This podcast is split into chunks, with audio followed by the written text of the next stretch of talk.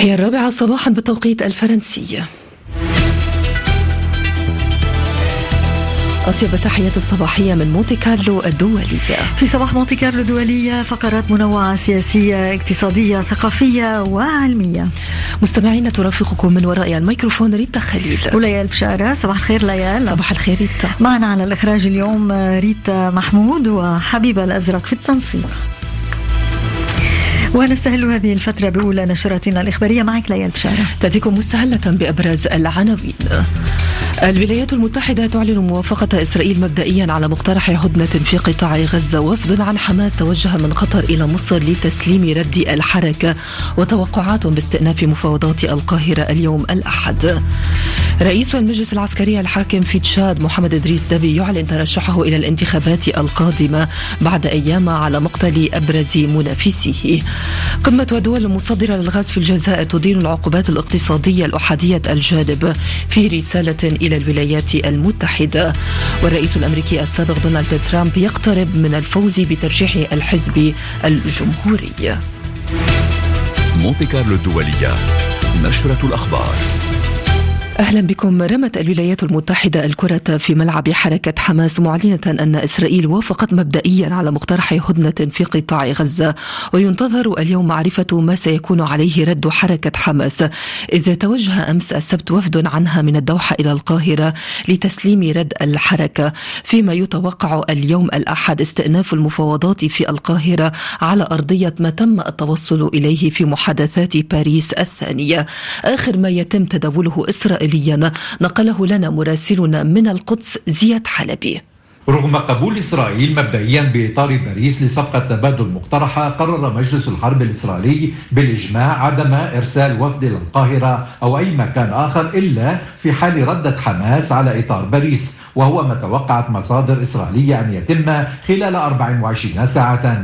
آلاف الإسرائيليين تظاهروا ضد الحكومة وطالبوا بصفقة تبادل حيث اعتقلت الشرطة عددا منهم بعد إغلاق شوارع. فيما أعلن الجيش الإسرائيلي مقتل ثلاثة جنود وإصابة 14 من بينهم خمسة في حال حرجة في معارك قطاع غزة. في الأثناء توجه الوزير في مجلس الحرب جانس إلى الولايات المتحدة بدون موافقة مسبقة من نتنياهو أو التنسيق معه بعد طلب أمريكي حيث يلتقي نائبة الرئيس الأمريكي ومستشار الأمن القومي ومشرعين عن الحزبين الديمقراطي والجمهوري للبحث مسار الحرب على قطاع غزة وباقي الجبهات في ظل استياء أمريكي من انسياق نتنياهو وراء الوزيرين المتشددين بنكفير وسموتريتش زياد حلبي القدس مونتي كارلو الدولي وما زالت الخلافات تتعلق بمطالب محددة من حركة حماس رفعتها إلى الوفود التي التقتها وأيضا بمطلب إسرائيل مطلب إسرائيل من حركة حماس تسليم قائمة بأسماء المحتجزين الإسرائيليين لديها. رد عليها قيادي في الحركة بالقول إن ذلك لن يكون دون ثمن كبير. آخر المواقف المصرية والفلسطينية المرافقة هي معك نجوى أبو الحسن. الأطراف اتفقت على مدة الهدنة وإطلاق سراح الرهائن والمحتجزين بحسب مصدرين أمنيين مصريين لكن الفجوة فيما يتعلق بإنهاء الحرب والانسحاب من غزة ما زالت قائمة بين الطرفين يقول مسؤول فلسطيني مطلع وهو ما أكدته المصادر المصرية. إسرائيليا لا استعداد لإرسال أي وفد إلى محادثات القاهرة ما لم تحصل الدولة العبرية على قائمة كاملة بأسماء الرهائن الذين ما زالوا على قيد الحياة حسب ما نقلت صحيفة يدعوت أحرانوت عن مسؤول إسرائيلي. المصادر المصرية ما زالت تتوقع وصول ممثلين عن إسرائيل وحماس هذا الأحد إلى القاهرة بدوره الرئيس جو بايدن. أقر أنه لم يتم التوصل لوقف لإطلاق النار لكنه عبر كما وزير الخارجية الفلسطيني عن أمله بتحقيق اتفاق قبل شهر رمضان الذي يبدأ في العاشر من هذا الشهر. ميدانيا دائما في قطاع غزة قتل 11 شخصا على الأقل وأصيب العشرات جراء قصف إسرائيلي طال تناول خياما للنازحين. قرب مستشفى في مدينة رفح بأقصى جنوب قطاع غزة كما أفادت وزارة الصحة التابعة لحركة حمأس. إلى ذلك أعلنت الولايات المتحدة تنفيذ أول عملية لإسقاط مساعدات غذائية على قطاع غزة المهدد بالمجاعة وفق تحذيرات الأمم المتحدة. الحرب الإسرائيلية في قطاع غزة أسفرت عن تداعيات شرق أوسطية جديدها في اليمن حيث أعلنت الحكومة اليمنية أن سفينة شحن تحمل أسمدة قابلة للاحتراق. استهدفها الحوثيون قبل أسابيع غرقت في البحر الأحمر الليلة الماضية محذرة من كارثة بيئية. جديد ذلك معك ريتا خوري. السفينة روبيمار تضررت الشهر الماضي في هجوم صاروخي أتى ضمن سلسلة هجمات ينفذها الحوثيون على خلفية الحرب في غزة. هجوم تسبب بتوقف السفينة وإجلاء طاقمها إلى جيبوتي. ومذ ذاك دخلت المياه إلى غرفة المحرك وغرق مؤخرها. خلية الأزمة المكلفة التعامل مع السفينة أعلنت خبر الغرق مضيفة أن ذلك أتى بالتزامن مع العوامل الجوية والرياح الشديدة محذرة من أنها ستسبب كارثة بيئية في المياه الإقليمية اليمنية والبحر الأحمر وقالت إن الغرق كان متوقعا بسبب ترك السفينة لمصيرها لأكثر من 12 يوما وعدم التجاوب مع مناشدات الحكومة اليمنية لتلافي وقوع الكارثة مؤكدة أنها في اجتماع دائم لتحديد أفضل السبل لمعالجة الكارثة البيئية الناجمة عن الحادثة. غير أن وكالة UKMTO التابعة للقوات البريطانية الإسرائيلية قالت إن مؤخرة السفينة غرقت بينما بقيت مقدمتها فوق سطح الماء. مستمعينا هي الرابعة ودقيقة السادسة بالتوقيت الفرنسي. تستمعون دائما إلى نشرة الرابعة من مونتي كارلو الدولية كما كان متوقعا أعلن رئيس المجلس العسكري الحاكم في دولة تشاد الجنرال محمد إدريس دابي إتنو ترشحه للانتخابات القادمة في السادس من أيار مايو القادم. انتخابات رئاسية وأتى الإعلان بعد ثلاثة أيام على مقتل منافسه الرئيسي يحيى ديلو جيرو على يد الجيش فيما عدته المعارضة إعداما. ودعت منظمة هيومن رايتس ووتش إلى إجراء تحقيق مستقل في ملابسات مقتله. عودة مجددا إليك نجوى أبو الحسن. تقول هيومن رايتس ووتش في بيانها إن مقتل مرشح رئاسي محتمل يثير المخاوف بشأن الأجواء التي ستكون عليها الانتخابات المقررة في السادس من أيار مايو. المنظمة الحقوقية طالبت بتحقيق مستقل بمساعدة خارجية وأشارت إلى أنها اطلعت على صور عدة تظهر ديلو مقتولا برصاصة واحدة في الرأس.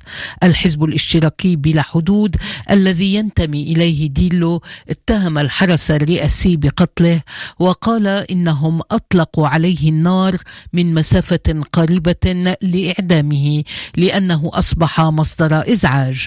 ديلو قتل خلال هجوم على مقر حزبه. السلطات نفت أن تكون قد أعدمته وقالت إنه سقط خلال تبادل لإطلاق النار. ويعتبر يحيى ديلو جيرو من أبرز المعارضين.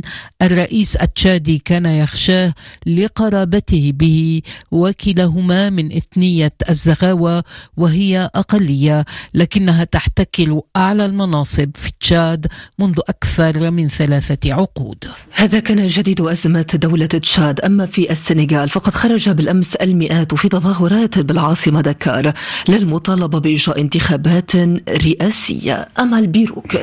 مئات الأشخاص تجمعوا في حي تسكنه الطبقة العاملة في دكار تلبية لدعوة من ائتلاف تجمعات من المجتمع المدني يعرف باسم جبهة المقاومة ومن المعارضة.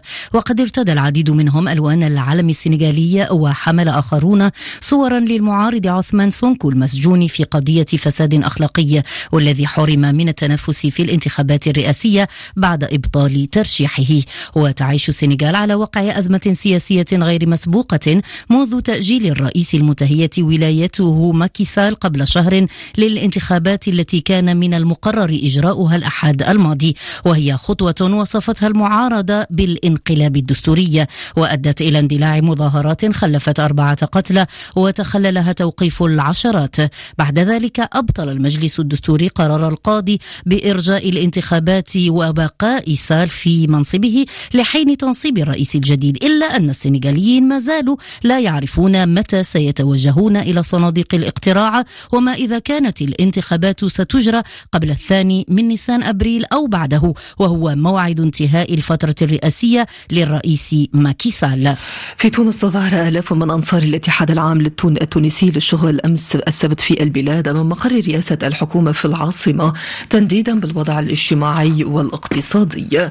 دانت قمة منتدى دول مصدرة للغاز التي عقدت بالعاصمة الجزائرية أمس السبت خصوصا العقوبات الاقتصادية الأحادية الجانب في رسالة إلى الولايات المتحدة التي فرضت عقوبات على روسيا منذ الغزو الروسي لأوكرانيا.